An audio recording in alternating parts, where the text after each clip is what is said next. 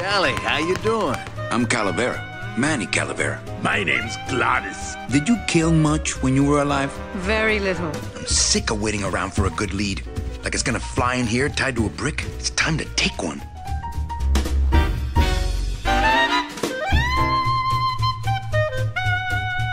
Hej, hallå, välkomna till Fulkultur, den folkbildande och sedlande podden från redaktörerna bakom eh, FZ.se, Sveklockers och 99 Mac. Jag heter Joakim Rätt. Idag är det du och jag, Andreas, Jajamän. som är i studion. Mm. De andra är hesa i halsen och de är på kurs och de är lediga av andra anledningar.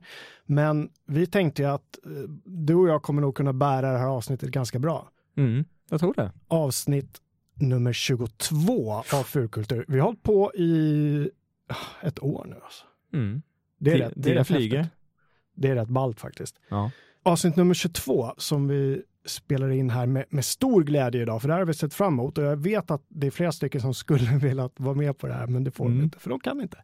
Bland annat de hesa människorna. Precis. Vi kommer ju prata om eh, äventyrsspel och inte äventyrsspel då som vi pratade om i förra avsnittet, Nej. eh, i rollspel, utan äventyrsspel på PC främst kanske. Peka och klicka varianten. Peka och klicka-varianten kommer vi nog snöa in allra mest på, för det är Mm. ju så att säga den, den som har burit genren åtminstone under den eh, senaste eran. Mm. Men innan vi drar igång med veckans avsnitt, Andreas, vad har du gjort i, i de senaste veckorna? Har du gjort något speciellt fulkulturellt som du vill lyfta fram? Eh, ja, inte, så, inte gjort någonting speciellt så. Jag var mest uh, fascinerat uh, tittat på uh, presentation av eh, Elon Musks planer för att kolonisera Mars. Just det. Och någonting annat utomjordiskt i eh, debatten mellan eh, Trump och Clinton. Ja, det är, det är faktiskt utomjordiskt. Ja, Vad säger Elon Musk nu? Han, har han sagt att nu är det dags eller? Vad, Eh, vad, är, ja. vad är lägesrapporten? Ja, plan, plan, han har ju sagt att målet är att de ska försöka kolonisera Mars till 2024. Och då har de ju tänkt att de ska kunna få vara upp till 100 människor eller något sånt där. Att de skulle få dit 100 människor på 80 dagar till slut. Och de ska återanvända samma raket om det var tusen gånger eller sånt där. Eh, och han, han projicerade att det skulle vara, eh, jag tror det var 10 biljoner dollar per människa skulle det kosta. Eh, om man räknade på det liksom med dagens kostnader. Men att de, Biljoner. inte, miljarder. eller miljarder blir det Ja, ja, svenska precis. kronor, ja, precis. Bi- Billions. Billions of dollars. Biljoner dollar. Eh, så, eh, men så skulle de få ner det till 100 000 dollar per människa Oj. eh, på sikt. Men eh, så ambitiösa planer verkar det som. Och det, Elon Musk alltså. ja. Vi hade ju ett helt avsnitt av det här som hette hur vi koloniserade solsystemet och beyond. Så är du Mm. intresserad av ämnet så eh, tracka tillbaka i vår, i vår ström och, och lyssna in det. Det här är som sagt avsnitt nummer 22, så det finns en del att ta igen. Mm. Jag eh, gjorde en grej eh, i fulkulturens ära som jag ångrar lite grann. Jag såg, eh, jag köpte och såg den här filmen från, jag tror den är från 2015, har inte kommit till Sverige än. The Witch. är det något du har sett? Nej, tyvärr inte. herregud. Jag försökte få med er gänget på någon sorts skräckspecial, Mm. Men det var ju då folk började droppa av och säga att de inte kunde. Jag undrar om det beror på ämnet, att de, att de är för hariga eller om de faktiskt inte hade lust det. Nej, Jag vet inte det. Det har ju inte producerats så mycket bra skräck på senare år så att, eh, det borde inte vara det.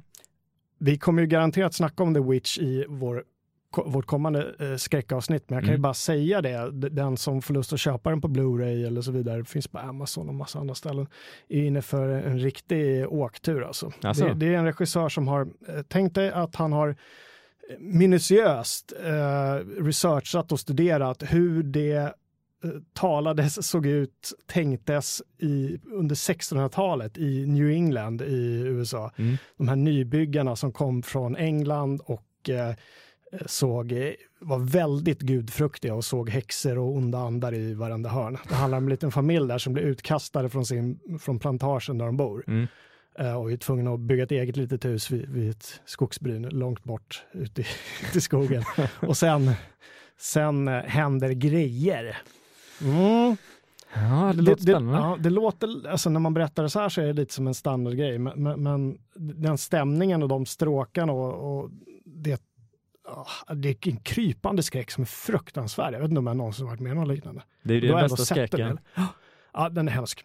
Mm. The Witch, men vi pratar mer om det senare. Ska vi ta och, uh, apropå uh, förra, veck eller förr, förra veckans avsnitt kanske jag ska säga, vi kör ju varannan vecka så har vi fått lite feedback också. Uh, vi pratade ju om rollspel då. Mm. Uh, bland annat var en uh, lyssnare, en lyssnare Erling som uh, såklart påpekade att det finns ju konvent och events runt om i Sverige också för de som är intresserade av rollspel. Och uh, bland annat det här Gothcon påminner han om att det kan vara värt att titta in och det glömde vi ju ta upp i i avsnittet. Ja, just det. Uh, sen fick jag även ett tips från en lyssnare om en um, Youtube-serie med ett gäng amerikaner tror jag det är, som sitter och spelar ett rollspel som de spelar in och sänder ut och det finns flera olika avsnitt. Det heter The Unmarked har jag för mig. Uh, och den är väldigt så här storydriven. Jakob Nilsson berättade lite grann om de här storydrivna rollspelen där det inte mm. så mycket tärningslag och sådana där grejer utan att deltagarna hjälps liksom åt att bygga storyn. Det finns en spelledare men de hjälps åt att bygga upp storyn och liksom hur den ska uh, ta sig framåt. Väldigt intressant. The, un Unmarked. The Unmarked på Mm. Youtube, kolla in det. Det finns säkert massa andra sådana grejer också, så tipsa oss gärna om det. Mm, absolut. Andreas, vi snackade lite innan om hur vi skulle lägga upp det här programmet nu när det bara är du och jag. Mm. Eh, för att få lite extra mysstämning så tänkte vi att vi skulle presentera våra topp fem personliga favoriter Mm. I, i Äventyrsspelsväg. Men eh, vi gör det väl lite allt eftersom avsnittet rullar på så pratar vi lite så att säga runt omkring de här titlarna och även vad det finns för annat som man kan, man kan undersöka och eh, vi kanske kan dra lite historik och förklara lite begrepp och sånt. Hur tycker du det låter? Det tycker jag låter jättebra. Vi tänkte koncentrera oss på grafiska äventyr idag, eller hur? Mm. Ja, det, det släpptes ju många eh, textbaserade äventyr på 70 och 80-talet som Mm. eh, eh, jag har upplevt några av dem, Mm. men eh, inte jättemånga av dem. Jag föddes 82 så Mm. eh, jag missade många av dem där på 70-talet. Eh, men det, det är ju de här grafiska äventyren som där mina stora upplevelser finns. Mm. Så att ja, det är där jag har minnen helt enkelt. Det var ju när grafiken kom på något sätt så, så, som det verkligen slog igenom. Mm. Jag spelade ju faktiskt, inte när det kom, men lite efteråt, det här spelet Zork. Mm. som är klassiskt. Ma- Man, man skriver in text, det är inga bilder, man skriver bara in så här, gå norrut. Mm. Och så beskriver spelet vad som händer där och så fortsätter man. Men vi hoppar in lite efter det, vi- så att säga den, den grafiska äventyrens början. Mm. Vil, om jag slänger ut det, vilket var det första grafiska äventyrsspelet, skulle du säga? Jag vet att det, det är lite debatt om det. Ja, eh, alltså Maniac Mansion de var ju tidigt, men det var ju 87. Och jag har för mig att de första grafiska kom väl i början på 80-talet. Eh, kanske till och med slutet på 70-talet, men jag är inte helt säker faktiskt. det första jag spelade som jag tror också var ett av de första, åtminstone ett av de första som, som fick ett, ett genomslag, det var Mm. ju Kings Quest Mm. eh, från 1983. Sierra Online tror jag de hette då, företag som går ut där. Ja, det hette väl online från början och sen så blev det Sierra Online tror jag. Så kanske det var till och med. ja, ja. Med, den här, med i alla fall den här ikoniska berget som Mm. liksom öppningsskärm. Den, den tror jag alla känner igen som har spelat äventyrsspel. Oh ja. Roberta Williams som låg bakom de spelen. Mm. Uh, Kings Quest som, det var väl, var det VGA på den tiden du som har koll? Eh, Det var, var CGA från början, sen Mhm. så blev det VGA senare och Mm. VGA var ju en, ett fantastiskt framsteg. Mm, Ja, man Det, var, uppleva det första gången. det var inte många färger hur som helst, det kan, kan vi så att säga komma överens om. Kings Quest handlade ju om, om en, en eh, riddare som heter Graham som ska rädda kungariket. Det var Ja. väldigt enkelt, men det blev väldigt känt för att det var så svårt. Mm. Man dog ju precis hela tiden överallt, speciellt vi som var så unga när vi spelade. Hade liksom jättesvårt att komma igenom de där spelen. Men Ja. man väl knäckte koden, jag minns inte hur vi gjorde, för internet fanns ju inte på samma sätt och så det gick inte att leta upp fusk heller. Nej, internet fanns ju inte alls för oss i Sverige på den tiden. Minns du hur man läste, löste? Köpte man så här tidningar kanske? Uh, inte så tidigt. Ja, det kom ju senare. först senare. Mm. Jag vet, ja, det var ju många äventyrsspel som jag aldrig spelade igenom. Eh, även bland dem jag gillade för att det var för svårt helt enkelt. Mm. Jag var för ung och det fanns inget internet att söka upp information på.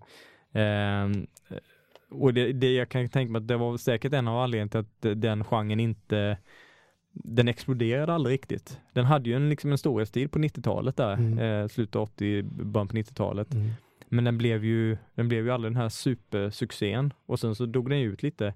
Jag undrar om inte det är lite för att den var ganska svårtillgänglig och, och eh, på, på, när du inte hade internet så Ja, du visste inte vad du skulle göra. Det var mycket så här stoppa fisken i örat och blåsa flöjten för att lösa saker. inte, det, inte det ett faktiskt exempel från just ett Kings Quest-spel som har blivit lite av en, av en, en memme, säger man så, en meme. Meme, just det här det idiotpussel, stoppa fisken i örat. Jag har för mig att det var ett Monkey Island-spel kanske som Jag Kings Quest eller inte. Monkey Island. Jag vet inte, jag har för, för mig att jag läste det i en, eh, en Final Fantasy-recension i Superplay för massa år sedan. Det var någon som drog exemplet att stoppa fisken i örat och blåsa flöjten för att lösa problem. Mm. Men det kan säkert vara för något av de problemen. Det är någon som något av de spelen. Efter Kings Quest så kom ju eh, såklart en massa uppföljare också och massa nyversioner. Men sen Mm. har, har vi även Maniac Mansion från, var det LucasArts som gjorde det? Ja, det var LucasArts. Mm. Mm. Fast de hette väl Lucasfilm på den tiden, Mhm, tror jag. okej. Eh, Det var 87. 87. Mm. Och då introducerade de här skummotorn. Just den berömda skummotorn.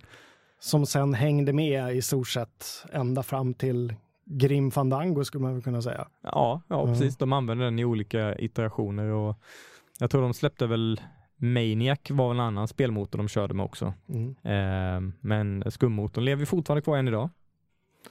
Av mer nos- nostalgiska skäl tror jag. Vad står skum för? Har du i huvudet? Jag vet nej. att de två sista M står just för Maniac Mansion. Ja. Att det var någonting, något med script for Maniac Mansion. Ja, för det, det var ju en kombination av en spelmotor och ett skriptspråk. Mm. Så det var ju lika mycket programmeringsspråk som någon faktiskt spelmotor.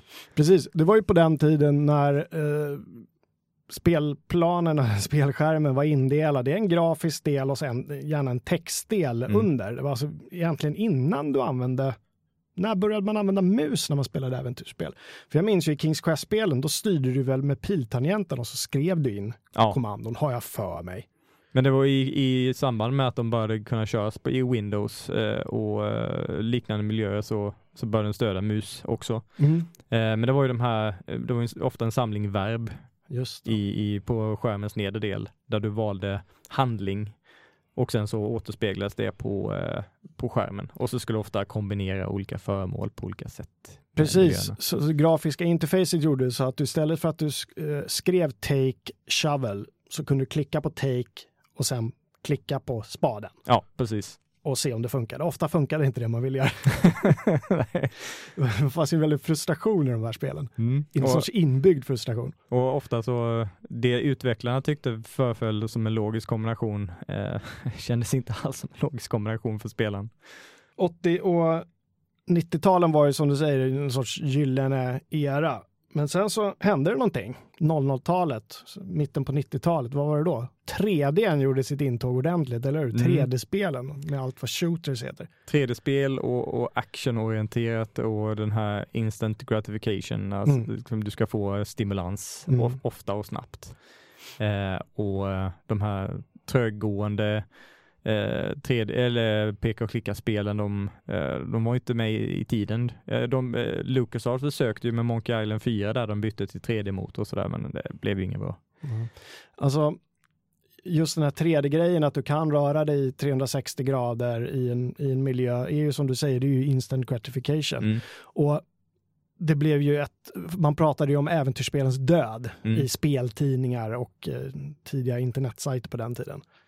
Eh, det fanns dock ett land där äventyrsspelandet aldrig har dött och det är Tyskland. Ja. Av någon anledning så har det levt kvar där. Undrar vad det beror på. Jag vet inte det. Eh, för mig, Simon the Sorcerer-serien återupplevels just av en tysk utvecklare. Eh, och det, har varit jättestarkt av någon anledning. Men det är ju märkligt också för att de tyska äventyrsspelarna har ju aldrig hållit speciellt hög klass jämför med, med, de, med de engelska, brittiska, amerikanska spelen. Nej, Ja, mycket konstigt, men i Tyskland lever strategi och äventyr kommer alltid leva i Tyskland. På Ja. sätt. det verkar som det. Kan, kan det bero på att de inte spelade, fick de inte spela shooters på samma sätt för det var förbjudet kanske? Kanske var för våldsamt? kanske kan det var vara det. Att de var liksom, Shootersen var för censurerade där borta. kanske. Ja. Men nu då så lever ju vi i någon sorts renässans för äventyrsspel, eller hur? Mm. Vad beror det här på? Jag vet inte, det, det känns som att det är som med många andra saker, när någonting har varit eh, passé, eh, när någonting har varit borta tillräckligt länge, så blir det en slags retro-nostalgikänsla f- för de som en gång spelade den genren eller lyssnade på den musiken eller den konst, tittade på den konsten eller vad det nu handlar om. Och många av oss som var barn på 80-talet har, har liksom en vällustkänsla över den typen av spel. Ehm, Kan det bero lite på den där prylen som du har framför också? Eh, Den här tillgången till nya plattformar med mo- mobiltelefoner och läsplattor också, att man har gjort äventyrsspelen. Titta vad bra, en läsplatta är ju perfekt för att peka och klicka, till exempel. Absolut, absolut. Det, är ju, det har ju släppts flera spel på, på eh, iOS och Android-plattformarna på, Mm. på senare år. Och I och med att de, det är ett touch-interface där du pekar med fingret så är det ju perfekt lämpat för det. Mm. Eh, där sitta med mus och tangentbord är lite otillgängligt eh, för gemene man Mm. och då är det ju ett jättebra sätt eh, för dem att bli exponerat för det. Det är ju väldigt många bra spel som har kommit ur den här nya vågen. Jag vill kanske främst lyfta upp ett spel som heter Maskinarium. Kommer du Mm. ihåg det? Som Det handlar om små robotar i en liten robotstad som ska lösa små problem. Från Amanita Design. Precis. Är det de som gjorde det där Samoros till dem också? Ja, är det precis. samma gäng? Ja, det är Mm. samma gäng. Eh, och det är ju fantastiskt vacker handmålad eh, grafik. Det är nästan som, eh, eh, ska jag säga, inte, inte en vattenmålning, men alltså en, en, nästan som en tavla, som interaktiv tavla Mm. och stämningsfull musik och ja, det är ja, det väldigt, väldigt vackra skapelser. Tillgängligt och billigt spel där också. Det, jag tror man kan eh, ladda ner till de flesta plattformar och Mm. köpa. Ja, precis. Och både PC och i, jag tror Machinarium kunde du spela i webbläsaren också, Mhm. när det begav sig. Eh, Så där har funnits tillgängligt på alla möjliga håll och kanter. Häftigt. Mm. Vi länkar ju till allting som vi pratar om i det här programmet så att där ni hittar podden är det bara att scrolla ner så hittar ni länkar till precis allt så att ni själva kan grotta er vidare. Mm. Vi kommer ju prata väldigt mycket om, om PSC-baserade spel idag så Ja. mycket av det kommer ni hitta på den här plattformen Steam som Mm. finns. Eh, Även företaget eh, GOG har ju också en ganska stor katalog av spel. Äventyrsspel vet jag inte riktigt men eh, Ja, men de har många Mm. och som har uppdaterats så att de fungerar på moderna operativsystem också. just det. Många av de gamla systemen går inte ens att köra igång om du har den ursprungliga skivan. Mm. Eh, och där har ju GOG.com sett till att fixa till det. Om du köper dem därifrån. Om det ens var spel på skiva, det kanske var MS-DOS-spel som du kö- körde Disketter, från ja. någon disketter förr i tiden. Fantastiskt. 14 disketter. Ja men det gjorde, kommer jag ihåg, Kings Quest när vi körde det. Det var ju på någon diskett på någon gammal PC. Mm. Och sen så var eh, diskett 7 av 14 korrupt. Åh, man, åh, det tog sån tid att installera och man, Ja. man kunde inte göra någonting. Heller. Andreas, ska vi, eh, vi pratade om att vi skulle ge våra topp fem favoriter. Mm. Ska vi börja och, och räkna ner och dra våra femmor och se, se vad de kan vara? Ska du börja? Mm. Ska vi börja uppifrån eller nerifrån? På femte plats tycker jag vi börjar. Och så avsluta med, med uh, våra favoriter, våra allra bästa äventyrsspel framåt slutet på programmet. Tycker Mm. jag. Det kan jag absolut, eh, det, det tycker jag låter som en bra idé. Och då eh, får jag börja med någonting som kallas The Dig. Om du kommer ihåg det. Också ett LucasArts-spel. Eh, Min lista är ganska LucasArts-dominerad. Mm. Jag tror att fyra av fem är LucasArts-spel. Ehm, Men det är ett- sci-fi-äventyr där självaste Steven Spielberg var, inblandad. Aha. Skrev handlingen till det där. Det skulle ursprungligen bli en film eller en tv-serie eller både och. ehm, hur det nu var. Ehm, men sen så blev inte det av för det skulle kosta så ofantligt mycket pengar att göra med, med dåtidens teknik. Mm. Så då eh, kontaktade LucasArts dem och diskuterade och sen så, så byggde de ett eh, sci-fi peka och klicka äventyr Mm. där du är ett eh, team astronauter som utforskar en, eh, en eh, asteroid Mm. och sen så helt plötsligt så förvandlas den till ett utomjordiskt objekt och innan du vet ordet av så befinner du dig på en främmande planet Just. och ska ut och det är ju väldigt vackert, ja nu är det ju väldigt rudimentär grafik men då var det väldigt inbjudande eh, imponerande grafik med bra musik, det var orkester, Mm. soundtrack. Eh, Var det det även i originalet? För, för jag körde, jag tror jag körde någon remake, ny, inte nyligen, men för några år sedan. Jag minns inte om originalet också hade den här musiken. Jag minns inte heller, men jag vill minnas att det var väldigt bra musik. Ja, eh, sen kanske det var en liten enklare form än vad det är i remastern. Eh, men det var väldigt fin musik och väldigt stämningsfullt. Eh, och välskriven handling och eh, ja, Mm. det var liksom ett av de tidiga spelen där man verkligen kunde känna att liksom, synergin, som det så fint heter, mellan film och spel. Mm. Ehm, och det, det har ju också släppts i en remaster nu som går att spela på moderna plattformar. Mm. Steam bland annat. Och GOG också, tror jag säkert. Digg alltså. Ja, det, det, det tyckte jag var väldigt häftigt eh, back in the day. Min femte plats är också ett Lucas spel som vi redan har nämnt. Day of the Tentacle. Mm. Eh, känns som man måste ly- lyfta fram det just för att det är väldigt känt för alla dess popkulturella referenser som det sprutar omkring sig. Mm. Sådana referenser som eh, gick helt över ens huvud när man spelade det back in the days. Mm. Då gillade man det för, den gulliga grafiken och de härliga liksom, eh, tentakelvarelserna som sprang runt. Mm. Men också ett Lucas spel på femte plats. Och, och det är ju intressant. Lucas har ju kanske mer än något annat företag eh, liksom definierat äventyrsgenren. Intressant. Ja, det var eh, spel av den typen. Sierra Ja. Online hade ju många sp- spel också, men det var ju någonting speciellt med LucasArts, den här eh, handmålade stilen, humorn, Mm. eh, musik. Ja, det, det, det var en speciell stil på LucasArts-spel eh, som ingen annan riktigt eh, kom i närheten av. De hade ju Ron Gilbert och Tim Schafer, Mm, de mm. här eh, ikonerna inom äventyrs eh, peka-klicka-genren. Det, Eh. det kändes som LucasArts tog intryck av, av andra medier på, på ett sätt som kanske inte Sierra gjorde. Mm. Att LucasArts som hade så nära koppling till filmindustrin och, och så vidare, att de fick så mycket, mycket därifrån som Mm. de kunde använda i spelen. Ja, och de var ju ganska filmiska. Eh, framförallt eh, om jag ska nä- nämna ett annat spel som också är på min, eh, på min lista. Eh, Fullt Throttle, det var ju väldigt fi- filmiskt Mm. i, i hur det berättades och hur an- animerades och eh, narrativ struktur och allting. Det. Eh, Full throttle, är det där det åker runt en biker i någon futuristisk... Eh, nej, inte futuristisk. är det inte det? utan, Är det nutid kanske? Ja, det är, men eh, det är en bikern Ben som ska åka runt och lösa olika pussel och eh, Mm. eh, hamna i diverse konflikter. Vilken plats på din lista var det? Det är på plats nummer fyra. Aha, så nu kommer vi till min nu har eh, du nummer dragit fyra. både fem och fyra här. Jajamensan, också LucasArts Mm. såklart.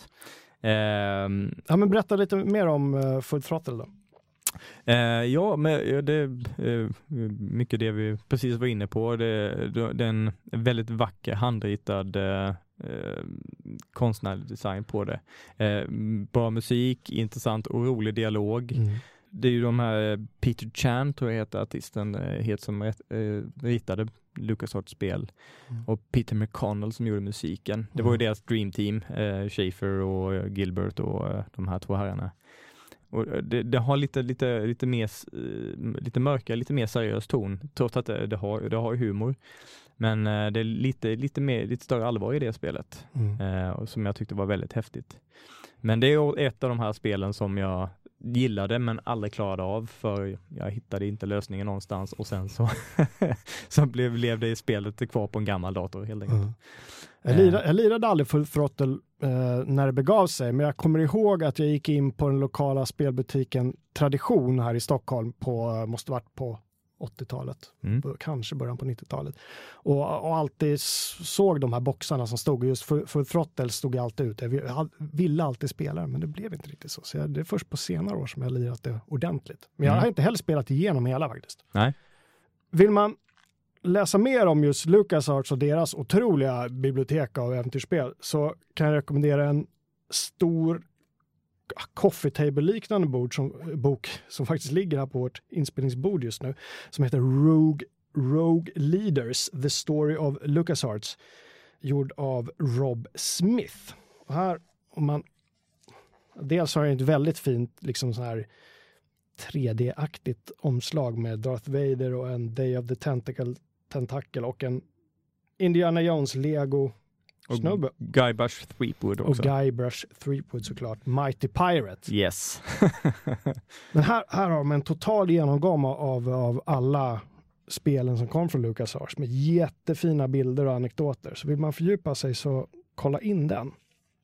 Här kan man till exempel läsa på vad skum är egentligen. Mm. Det borde vi kanske gjort inför det här avsnittet. Ja, kanske det. På min fjärde plats Andreas så ligger ett spel som heter Blade Runner. Oh. Äventyrsspelet Blade Mm. Runner. Det finns ju flera Blade Runner-spel, men det här är Blade Runner-spelet från Westwood. Från 1997, eh, regisserat av Lewis Castle som sen gick vidare och gör, gör en massa andra bra spel också.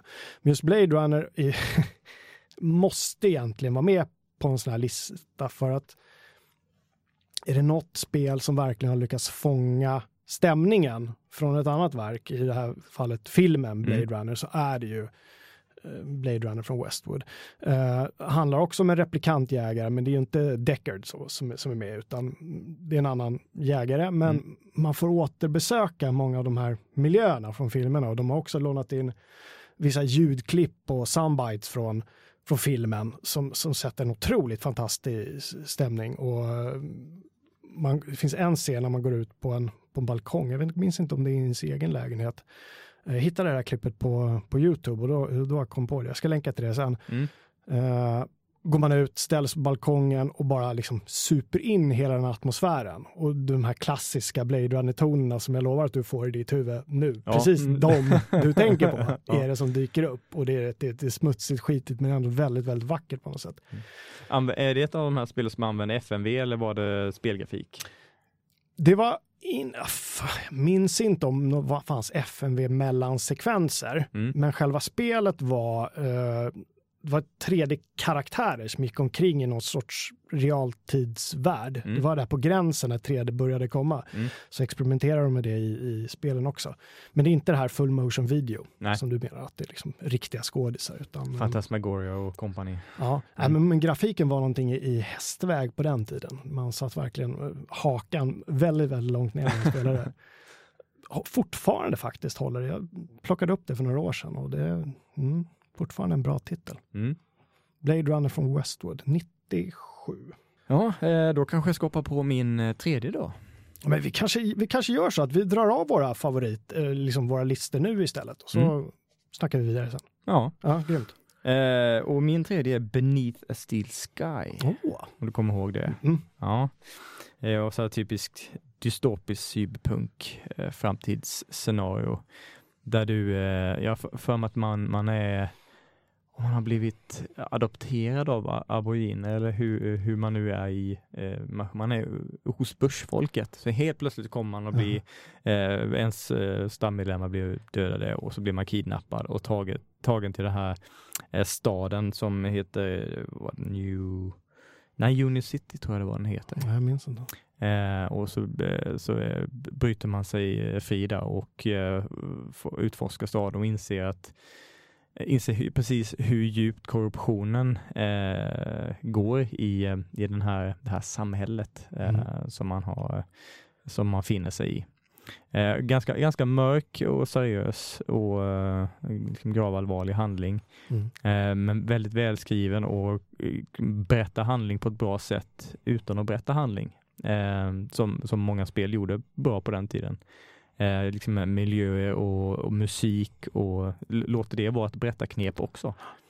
Eh, och väldigt, väldigt snyggt för sin tid det också. Mm. Äventyrsspel gör dystopier ganska bra. Mm. Alltså det, fr- speciellt fram, liksom framtida lite så här metalliska miljöer funkar ju väldigt bra i äventyrsspel för att det Mm. är ganska så avskalat och lite mörkt och lite dystert och metalliskt. Mm. Beneath the Sky påminner lite om Gemini Rue som vi Det pratade om. Ett spel som kom det var inte alls länge sedan, jag minns inte vilket år det var, men det, det är en del av den här nya indievågen som vi ska prata lite om eh, senare tänkte jag. Mm. Eh, också så lite så här noir-känsla. Men det här kanske var ännu mer framtid, eller vilket, vilket år ungefär? Det kommer jag faktiskt inte ihåg. Jag vet- kommer inte ihåg om de skriver vilket år det är Nej. i, i spelet. Eh, Hur, utan- hur som helst, en av de absolut läckraste titlarna i ett spel, Ja. Beneath the Steel Sky. Det, det är inte många titlar som slår det. Nej, verkligen inte. Också backas av ett bra spel dessutom. Det är inte Mm. helt fel. På min tredje plats ligger ett spel som, jag vet inte, det, det finns lite dystopiska drag i det, men det handlar om en huvudperson som kan färdas mellan olika världar. Mm. Ringer någon klocka hos dig då? Eh, Färdas mellan olika världar, ja. det en tjej. en tjej. Mm. Ja, ja jo, vänta lite nu. Eh, vad heter det? Eh, mm, mm, eh, Funcom-äventyr tänker du på kanske? Precis. Ja, just det. För att ge temporärt hjärnsläpp på titeln. Den längsta resan, Längsta eller resan, The Longest Journey från Funcom. Mm. Eh, ett, ett äventyr där huvudpersonen April Ryan färdas mellan eh, just en, en hård framtidsvärld som jag för mig heter Stark, den verkliga världen också och en, någon sorts fantasyvärld. Mm. Och det som kan röra sig mellan de här. Eh, jättevackert och för sin tid otroligt snyggt äventyr som i den svenska lokaliseringen, du, varken du eller jag är några större fan av lokaliseringar Nej. och spel, men här gör de det riktigt bra. Det är, är allas vår Regina Lund som spelar den här huvudrollen, April Ryan, och hon gör det på ett jätte, jätte, jättebra sätt. Det är egentligen den enda sån skådespelarinsats som jag någonsin har kunnat lyfta fram som något bra. Så det bästa Regina Lund har gjort alltså? Det skulle man kunna säga. Att Mm. hon, har, hon blev ju något av en liten, lite subkändis här i de här kretsarna just för det här spelet. Jag tror inte hon förstod riktigt själv hur stort det var i, i våra nördsammanhang. Nej. Längsta resa. Spe, det här spelet har ju fått uh, uppföljare också. Dreamfall som är det andra spelet, som också är jättebra.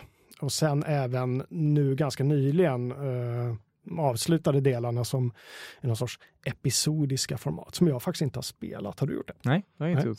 Då har vi någon, kanske en uppgift inför nästa, nästa avsnitt att lira den där. Mm, Åtminstone mm. känna på det och se hur den känns. Ja, absolut. Men den längsta resan, det, det håller ju fortfarande. Det är, så, det är väldigt, väldigt välskrivet. Mm. Sen efter det så chanserade ju Funcom lite grann och sen vet jag inte om de gjorde så mycket bra efter det här. Men eh, Nej, för det här episodiska spelet görs väl inte av Funcom? nej, det är, det är några andra. Ja. Tror jag. Som, jag minns inte vad de heter, men de har köpt licens. Mm. Vad har du på andra? Vi börjar närma oss våra första platser. De kommer, vet jag kommer vilja prata mycket om, men vad har du på din, eh, din andra plats? Det är faktiskt Simon Sorcerer 2.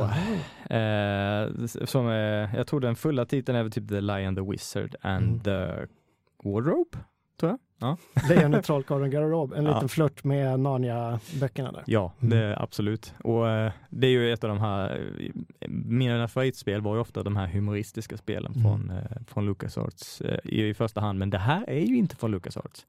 Det är typ det enda spel på min lista som inte är från LucasArts.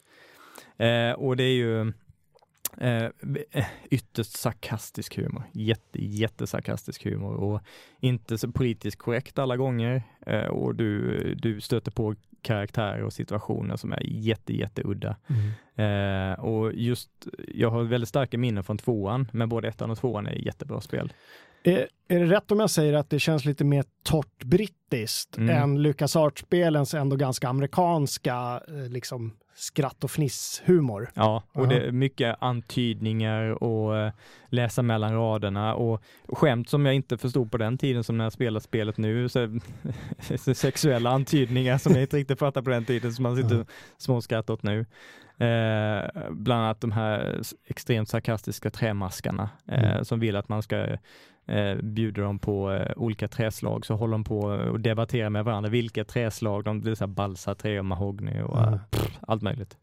Eh, och, i, och jag tror det var, det var nog i ettan förresten, men i, i tvåan så är det en, en sektion längre fram i spelet där man, man ska smyga förbi någonting. Och eh, då har man, hittar man olika saker som man ska kombinera. Så hittar man en, har man en hundvalp, en, ja, jag tror det var hundvalp. Eh, och, och så det finns ju sådana här tofflor eh, eller skor som heter hush puppies.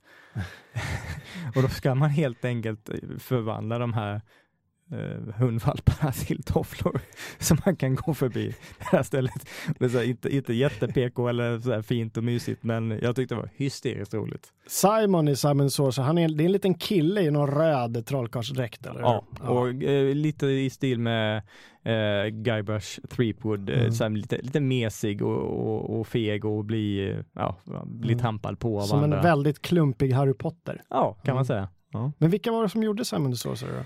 Eh, ja, jag tror att de hette Adventure Soft. Adventuresoft. Ja. Inga storkändisar. Nej, jag tror inte de gjorde så mycket vettigt efter det. Mm. Eh, den serien gick ju i, i konken och sen så var det någon, eh, någon tysk utvecklare som försökte göra en, ett, eller ja, de gjorde ju ett 3D Simon the Sorcerer som blev jättedåligt. Mm. Som jag inte har spelat, men det fick jättedålig kritik. Alla spel på min topp 5-lista, förutom det jag ska prata om nu som är på andra plats är 90-talsspel. Det här gjordes 2012 eh, och det är eh, spelversionen av The Walking Dead. Har du lirat de spelen? Ah, Ja, det har jag. Eh, Walking Dead första säsongen har jag Precis. spelat, inte de andra tyvärr. Nej. Walking Dead eh, som på något sätt satte det här episod avsnittsformaten eh, på kartan. Efter att de började göra det så började alla göra avsnittsformat av sina spel. Mm. I Walking Dead så följer man inte huvudkaraktärerna, även om, om som från tv-serien och, och eh, serietidningen. Även om de gör små, små cameos, några av dem.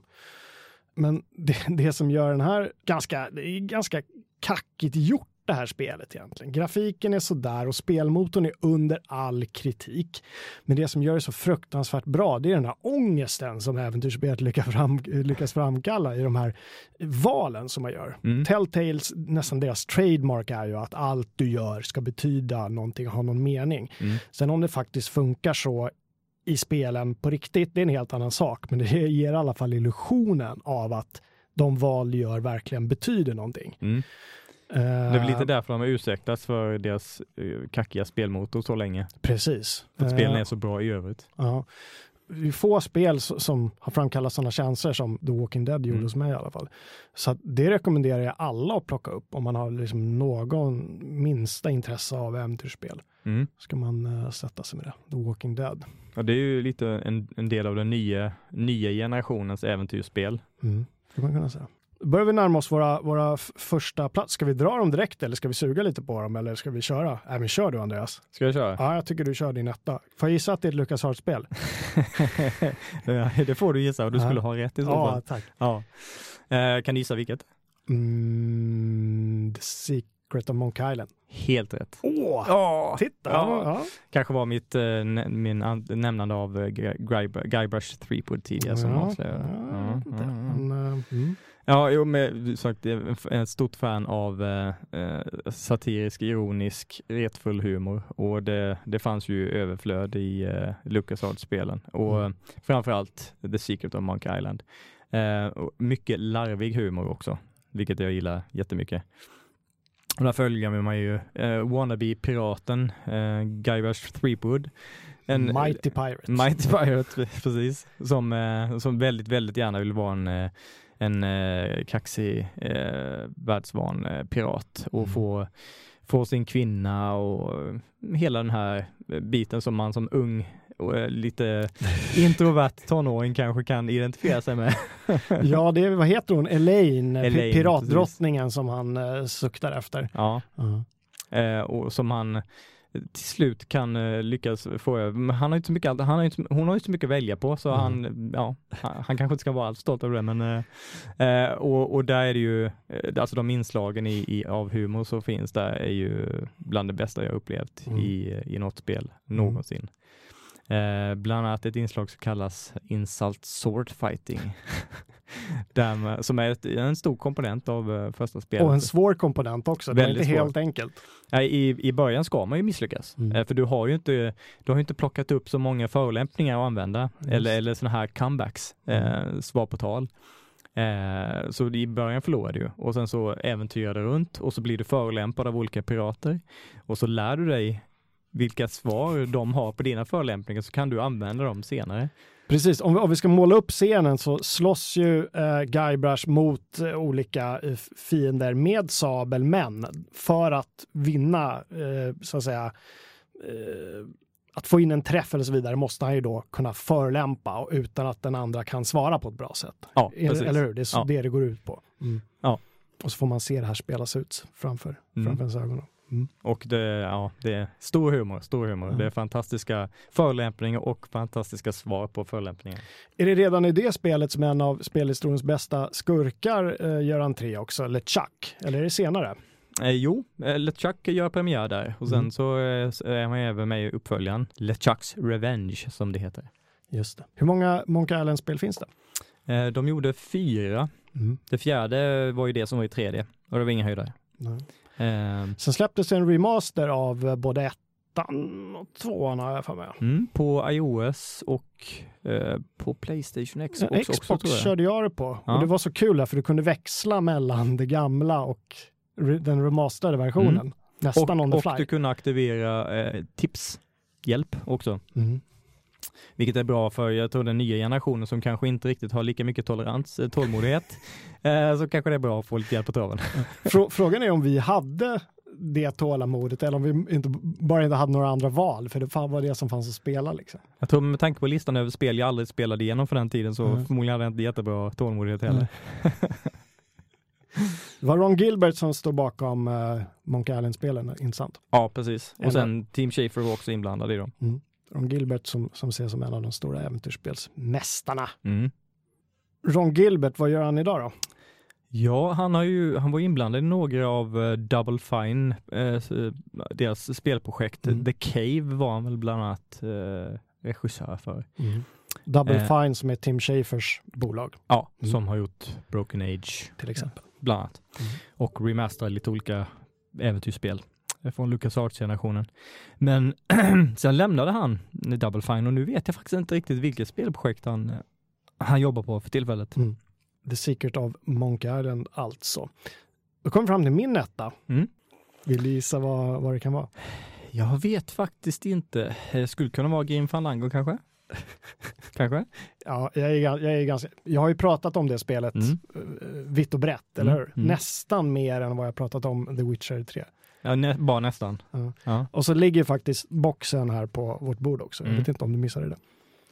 Fantastisk box där huvudpersonen Manu Calavera som är ett, eh, ett papier-maché-skelett skulle man Mm. kunna säga. Eh, står och tittar ut med en eh, ser ut som några biljetter han har i handen och en cigarett och en, en vit smoking på sig. Otroligt fint omslag. Mm. I Grim Fandango får vi följa eh, Manu Calavera som är, eh, ja vad skulle man kalla honom för, en sorts eh, reseförsäljare.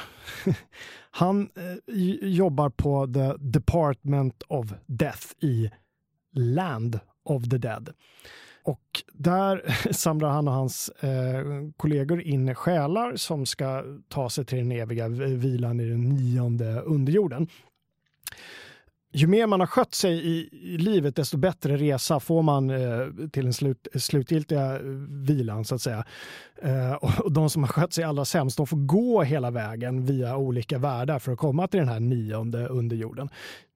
Manu Calavera eh, letar efter sin eh, stora kärlek Mercedes Colomar och ger sig ut på en eh, lång resa eh, genom de här världarna med sin eh, vän och kollega dödsdemonen Glottis som eh, är en eh, stor orange blob med en eh, förkärlek för hot rods. Så tillsammans ger sig Manu och Glottis ut på jakt efter Mercedes Colomar och samtidigt ska han såklart försöka lösa hela den här komplotten som har gjort att hon får gå till fots till eh, underjorden. Det som är så fint med Grim Fandango är eh, att stilen är den av eh, när aztekernas dödskult lite grann som firas i, jag kan tänka mig att det är Mexiko, men delar av Sydamerika med de här papier-maché-skeletten eller kalacas tror jag till och med att de heter. Så alla karaktärer förutom en del demoner då som Glottis ser ut som de här skeletten och, och, och, och otroligt uttrycksfulla trots att det är små vita liksom papp, pappdockor nästan som går omkring. Grim Fandango hyllas av väldigt många så, som absolut bästa som har gjorts i, i äventyrsspelsväg. Det är Tim Schafers, liksom, när han var som allra, allra, allra bäst. Mm. Styrningen i det här spelet är inte någon klassisk peka och klicka. Jag vet att de har gjort en remaster där de har fixat det. Mm. Men på den tiden så st- styrde man ju med, med piltangenterna spelet och då eh, huvudpersonen Manu Calavera tittade på det som man kunde interagera med på något konstigt sätt. Mm. Väldigt knöligt. Men ändå så fångade det mitt hjärta och många andras eh, hjärtan. hjärtan.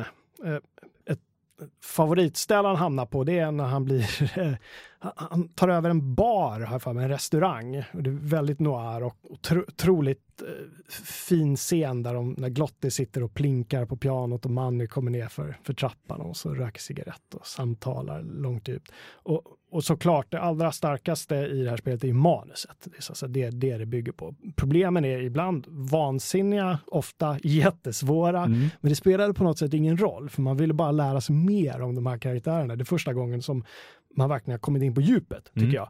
Och lärt sig att älska sådana här konstiga poly, det är ju liksom polygoner också. Det var man lite ovan med på den tiden. Men de var uttrycksfulla trots att de inte hade så många uttryck. Exakt, Ja. de kunde uttrycka extremt mycket. Och sen så, jag kommer ihåg att musiken var också eh, väldigt stämningsfull och väldigt passande för hur, hur de olika scenerna utspelar sig och vilken typ Mm. av scen det var. Det var ju verkligen jättebra gjort. Ja, extremt bra. Uh, jazzigt soundtrack. Mm. Och som du säger också så ligger den här, den här noir-känslan över hela. Det är lite Humphrey Bogart, lite deckare Mm. över det.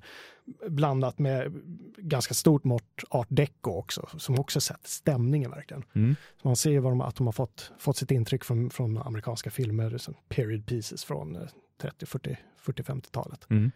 Eh, det här är ett spel som, som alla måste spela. Det har kommit ut en remaster på, som kanske gör spelet lite mer lättillgängligt utan att liksom, ta bort något av den gamla känslan. Mm. Du kan spela Så- på konsoler och PC och allt möjligt. Ja, det tror jag. Mm. Jag tror den släppte de flesta plattformar. Mm. Det Och det sålde ju inte så jättebra back in the day, eh, trots att det var mm, älskat av fans och kritiker eh, på alla håll och kanter. Mm. Och det, det var markerat lite äventyrs peka och klicka-genrens eh, nedgång, att, att ett så bra spel inte sålde så, Mm. så bra. Ja, det, det släpptes ju 98 och det var ju de sista skälvande timmarna där för Mm. äventyrsspelen skulle man kunna säga. Mm. Eh, innan shootersarna tog över Mm. allt. Call of Duty. Allt är Call of Duty-spel. Nu har vi gått igenom våra topp 5-listor Mm. så att ni som lyssnar, har ni ingen aning om var ni ska börja så är det där ni ska börja såklart. Mm. Uh, börja nerifrån och arbeta er uppåt eller tvärtom för den delen. Ja. Vi har ju snackat lite om att det var nedgång för, för äventyrsspelen så att säga. Men sen har vi den här nya vågen nu. Intressant Andreas, som Mm. vi ser idag, just som vi pratade om med de här, att det är så, det är så lättillgängligt med surfplattor och Mm. alla format som det går att släppa. Det är också billigare att göra spel idag och så har vi ju Kickstarter som caterar till oss gamla rävar som, som är nostalgiska som vill göra återuppleva alla de här spelen. Mm.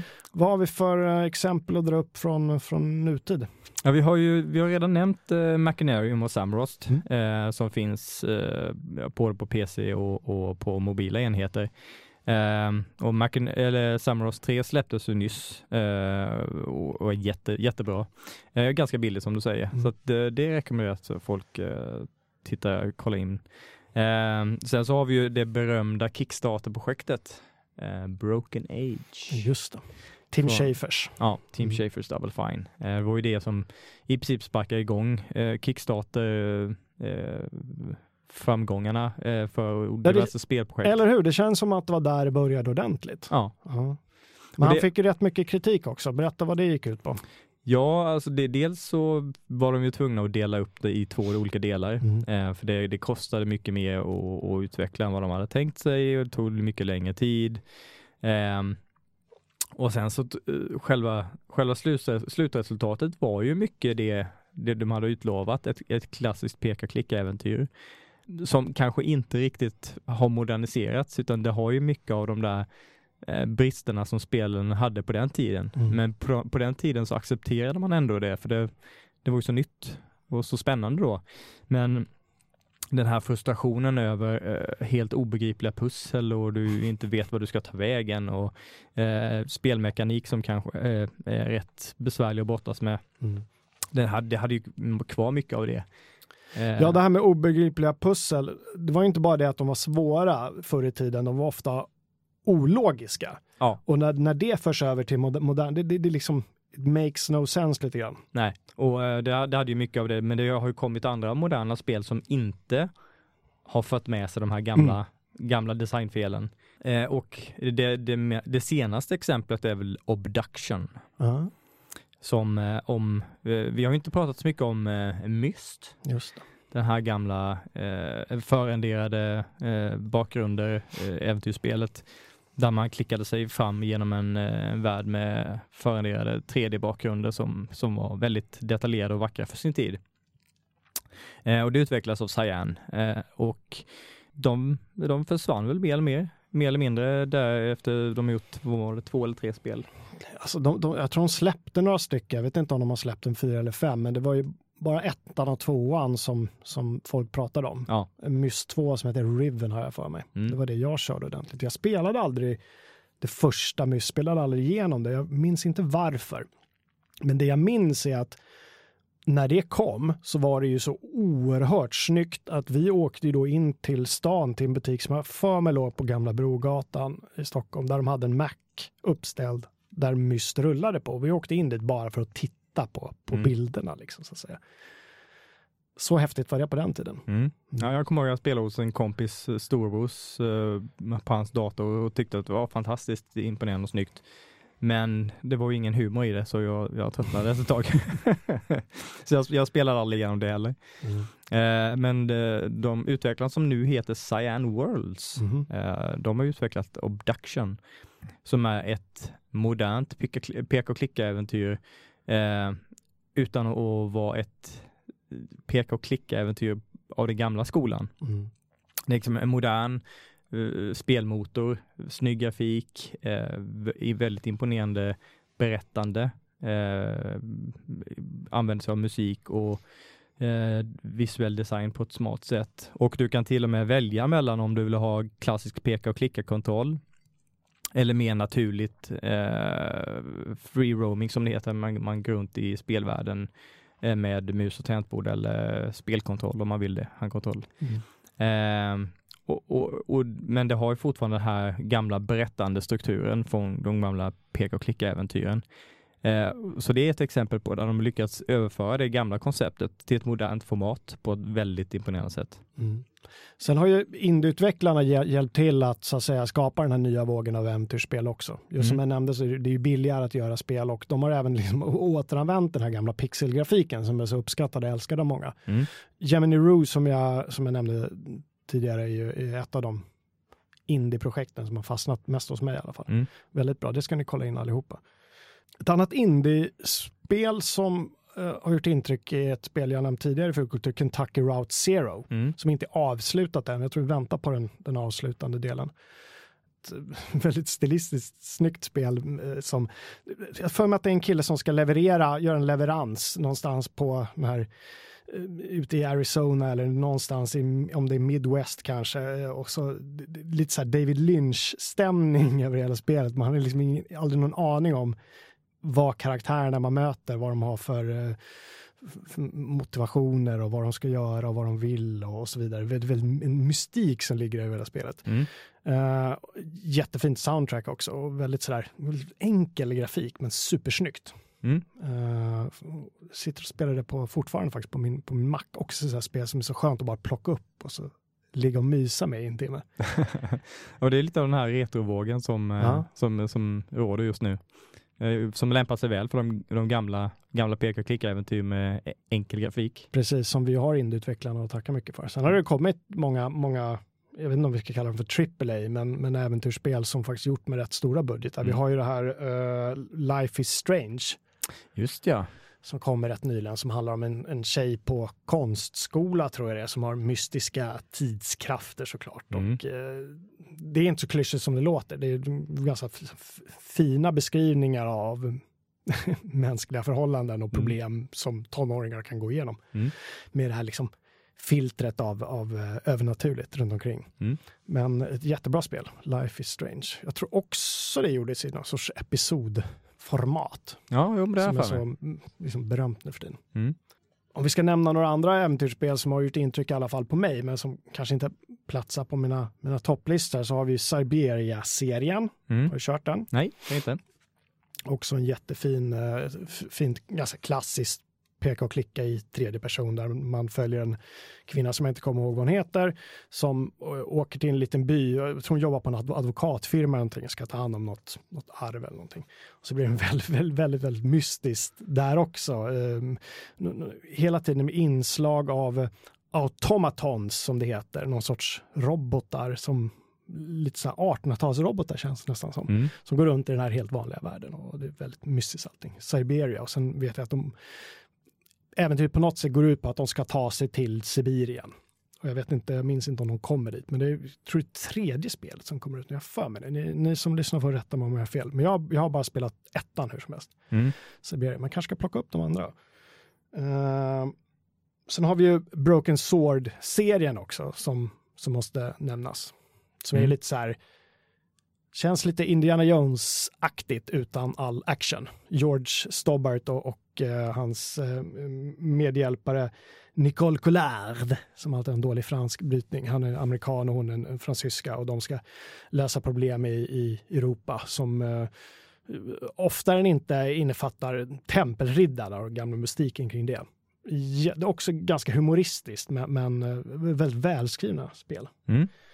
Sen har vi även, eh, vi pratar om Kings Quest, så, så får man inte glömma heller Space Quest och eh, Police Quest-spelen. Oh ja. Just det. Och vi pratar humor så är ju Space Quest någonting i, i hästväg fortfarande. Mm. Vill jag minnas, men, men jag kanske har fel där. Om Ja, man, ja, hur de man skulle känna om man satt och spelade igen. Jag tror inte de skulle vara lika roliga idag. Mm. Eh, ja, just eh, Space Quest eh, har jag bara spelat sån här shareware-version som, det, som var populärt på 90-talet. Ah. Jag kunde ladda ner en bit av spelen eh, och uppleva. Eh, och jag minns att jag tyckte de var väldigt roliga och snygga för sin tid. Men jag spelade aldrig igenom hela spelen. Bara sån här shareware.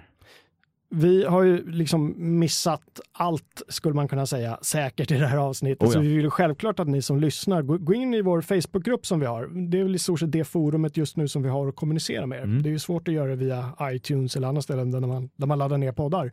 Men gå in där och, bli, och gilla oss och diskutera med oss och tipsa framför allt de andra fulkulturisterna, som är ett ord som jag ska börja använda. Det var också en lyssnare som, som kallade oss, hej fulkulturister, skrev han till oss. Det tyckte jag var bra. Ja, den tar vi. Alltså, fulkulturister. Mm. Det är det vi är. Så gå in och tipsa eh, dina fellow fulkulturister om, om liksom, dina favoriter. Jag har Mm. säkert missat massa gött. Oh ja. Mm. Hade du något mer Andreas innan vi håller det här lite, lite avskalade avsnittet måste man ändå säga att det var med bara dig och mig. Men jag tycker det var mysigt och, och bara du och jag i studion. Ja, ja. mysigt att minnas. ja? Eh, den sista saken jag skulle ta upp är också en sån här, ett, ett kärt eh, och surt gammalt minne på samma gång. Eh, för jag kommer ihåg, jag var stort fan av den här Warcraft-spelen från Blizzard, Mm. mm. strategispelen. Och sen läste jag i ett nummer av PC Gamer att ja, det Warcraft Adventures kommer. Eh, som är så handmålat eh, äventyrsspel, peka och klicka-äventyr i N- när, var- när var det här då? När man började skriva om det? Var det slutet på 90-talet? När var det? Det, alltså jag, jag vill minnas att det här var runt 90, vad kan det ha varit, 96, 95, 97, något sånt där. Ja. Eh, jag började läsa om det. Eh, och jag gick in på ett postorderföretag som jag eh, brukar köpa spel från. La in en beställning på Warcraft Adventures direkt. Och sen så, undrar om det gick ett år eller något liknande. Och så, så fick jag meddelande om att eh, den spelet var nedlagt. Eh, så att den ordern blev eh, annullerad. Ja. Och det tyckte jag var eh, hemskt. Och, och, men men det, för det, det spelet utvecklades av en rysk studio Mm. åt Blizzard. Eh, och det fokuserade på Thrall. Alla som har spelat eh, World of Warcraft eh, och spelat diverse expansioner och sett filmen kanske. Eh, kände ju till karaktären Thrall. Eh, och, ehm, Or- Orrshövdingen. årshövding från, som, som skapades för det spelet. Eh, väldigt, väldigt vackert, men det, det, det utvecklades ju under en tid när den genren var på väg att, Mm. att dö ut. Så Blizzard fattade någonstans beslutet att nej, vi, vi tror inte på det här, vi vill inte släppa det här och kanske svärta Warcraft-namnet, jag vet inte. De, Mm. de kanske inte ville ha en, ett misslyckat spel på resumén. Eh, men det var nästan helt klart och nu eh, har, har det nyligen eh, nått servrar eh, världen över så man kan ladda ner det i sin helhet Mm. och faktiskt spela Warcraft Adventures. Eh, som säkert inte är så bra som man skulle vilja, men eh, för, för oss som gillade Warcraft och peka och klicka-äventyr så kan det vara ett kärt återseende. Vad tycker Blizzard om att det här har läckt ut? Har de uttalat sig om det? Jag tror inte det. Jag har Nej. inte läst någonting i alla Nej. fall. Det känns ändå som vi med gott samvete kan, kan säga att det finns där ute och är läckt, för det är ett spel som har lagts ner och som aldrig kommer släppas. Eh, och det är någon sorts kulturgärning nästan skulle vi kunna se det som. Ja. Att vi faktiskt kan få ta del av det. Och det har funnits ute så pass länge så att jag misstänker att hade Blizzard verkligen, verkligen ogillat att det finns ute så Mm. hade de gjort någonting åt det eller uttalat sig. Mm. Och, Med, eh, med deras muskler så kan man tänka att Ja, så Mm. att jag, jag misstänker att de inte är, helt förstörda över att den har, har dykt upp. mm. Men hur håller, hur håller det då? Har du... Alltså, ja, alltså det, det, det, är, ju, det är ju daterat Det är när det gäller spelmekaniken. Eh, det, det, det är fortfarande snyggt, den handritade eh, det, stilen, det, det måste jag säga. Eh, så det håller ju visuellt, men spel, spelupplevelsen är ju kanske inte fantastisk direkt. Mm. De, de, den här utvecklingen mot obduction och liknande moderna spel, den, den, är ju, den är ju till fördel för genren, det, det måste jag säga. Men det är väl ganska bra att avsluta så med ett spel som, som föddes i, ehm, i så att säga slutet av 90-talet när äventyrsspelen började, nedgången började på allvar Mm. för den här genren som har fått nytt liv nu 2016. Det är ganska fantastiskt. När genren nästan är på, på väg att komma igång igen. Ja. Ja. Vi tackar alla som har lyssnat på det här avsnittet av Fulkultur nummer 22. Glöm inte att prenumerera och gå för guds skull in och betygsätta oss på iTunes och sådär. Även om ni inte tycker om det så säg det också. Mm. Vi vill höra både eh, god och dålig kritik eh, så att vi kan bättra oss. Mm. Vad ska vi prata om nästa gång? Det vet vi inte. Nej, Nej, utan det får bli en överraskning helt enkelt. Ja. Och förhoppningsvis så är vi lite fler i studion då. ja. Någon, någon gång också. kommer vi prata om skräck i alla fall. Det ska vi göra, Ja. garanterat. Eh, och beställ The Witch från Amazon om ni gillar sånt. ja, det är bra. Tack Andreas för att du var här med mig idag. Tack själv. Så hörs vi. Det gör vi. Hej då! Hej då!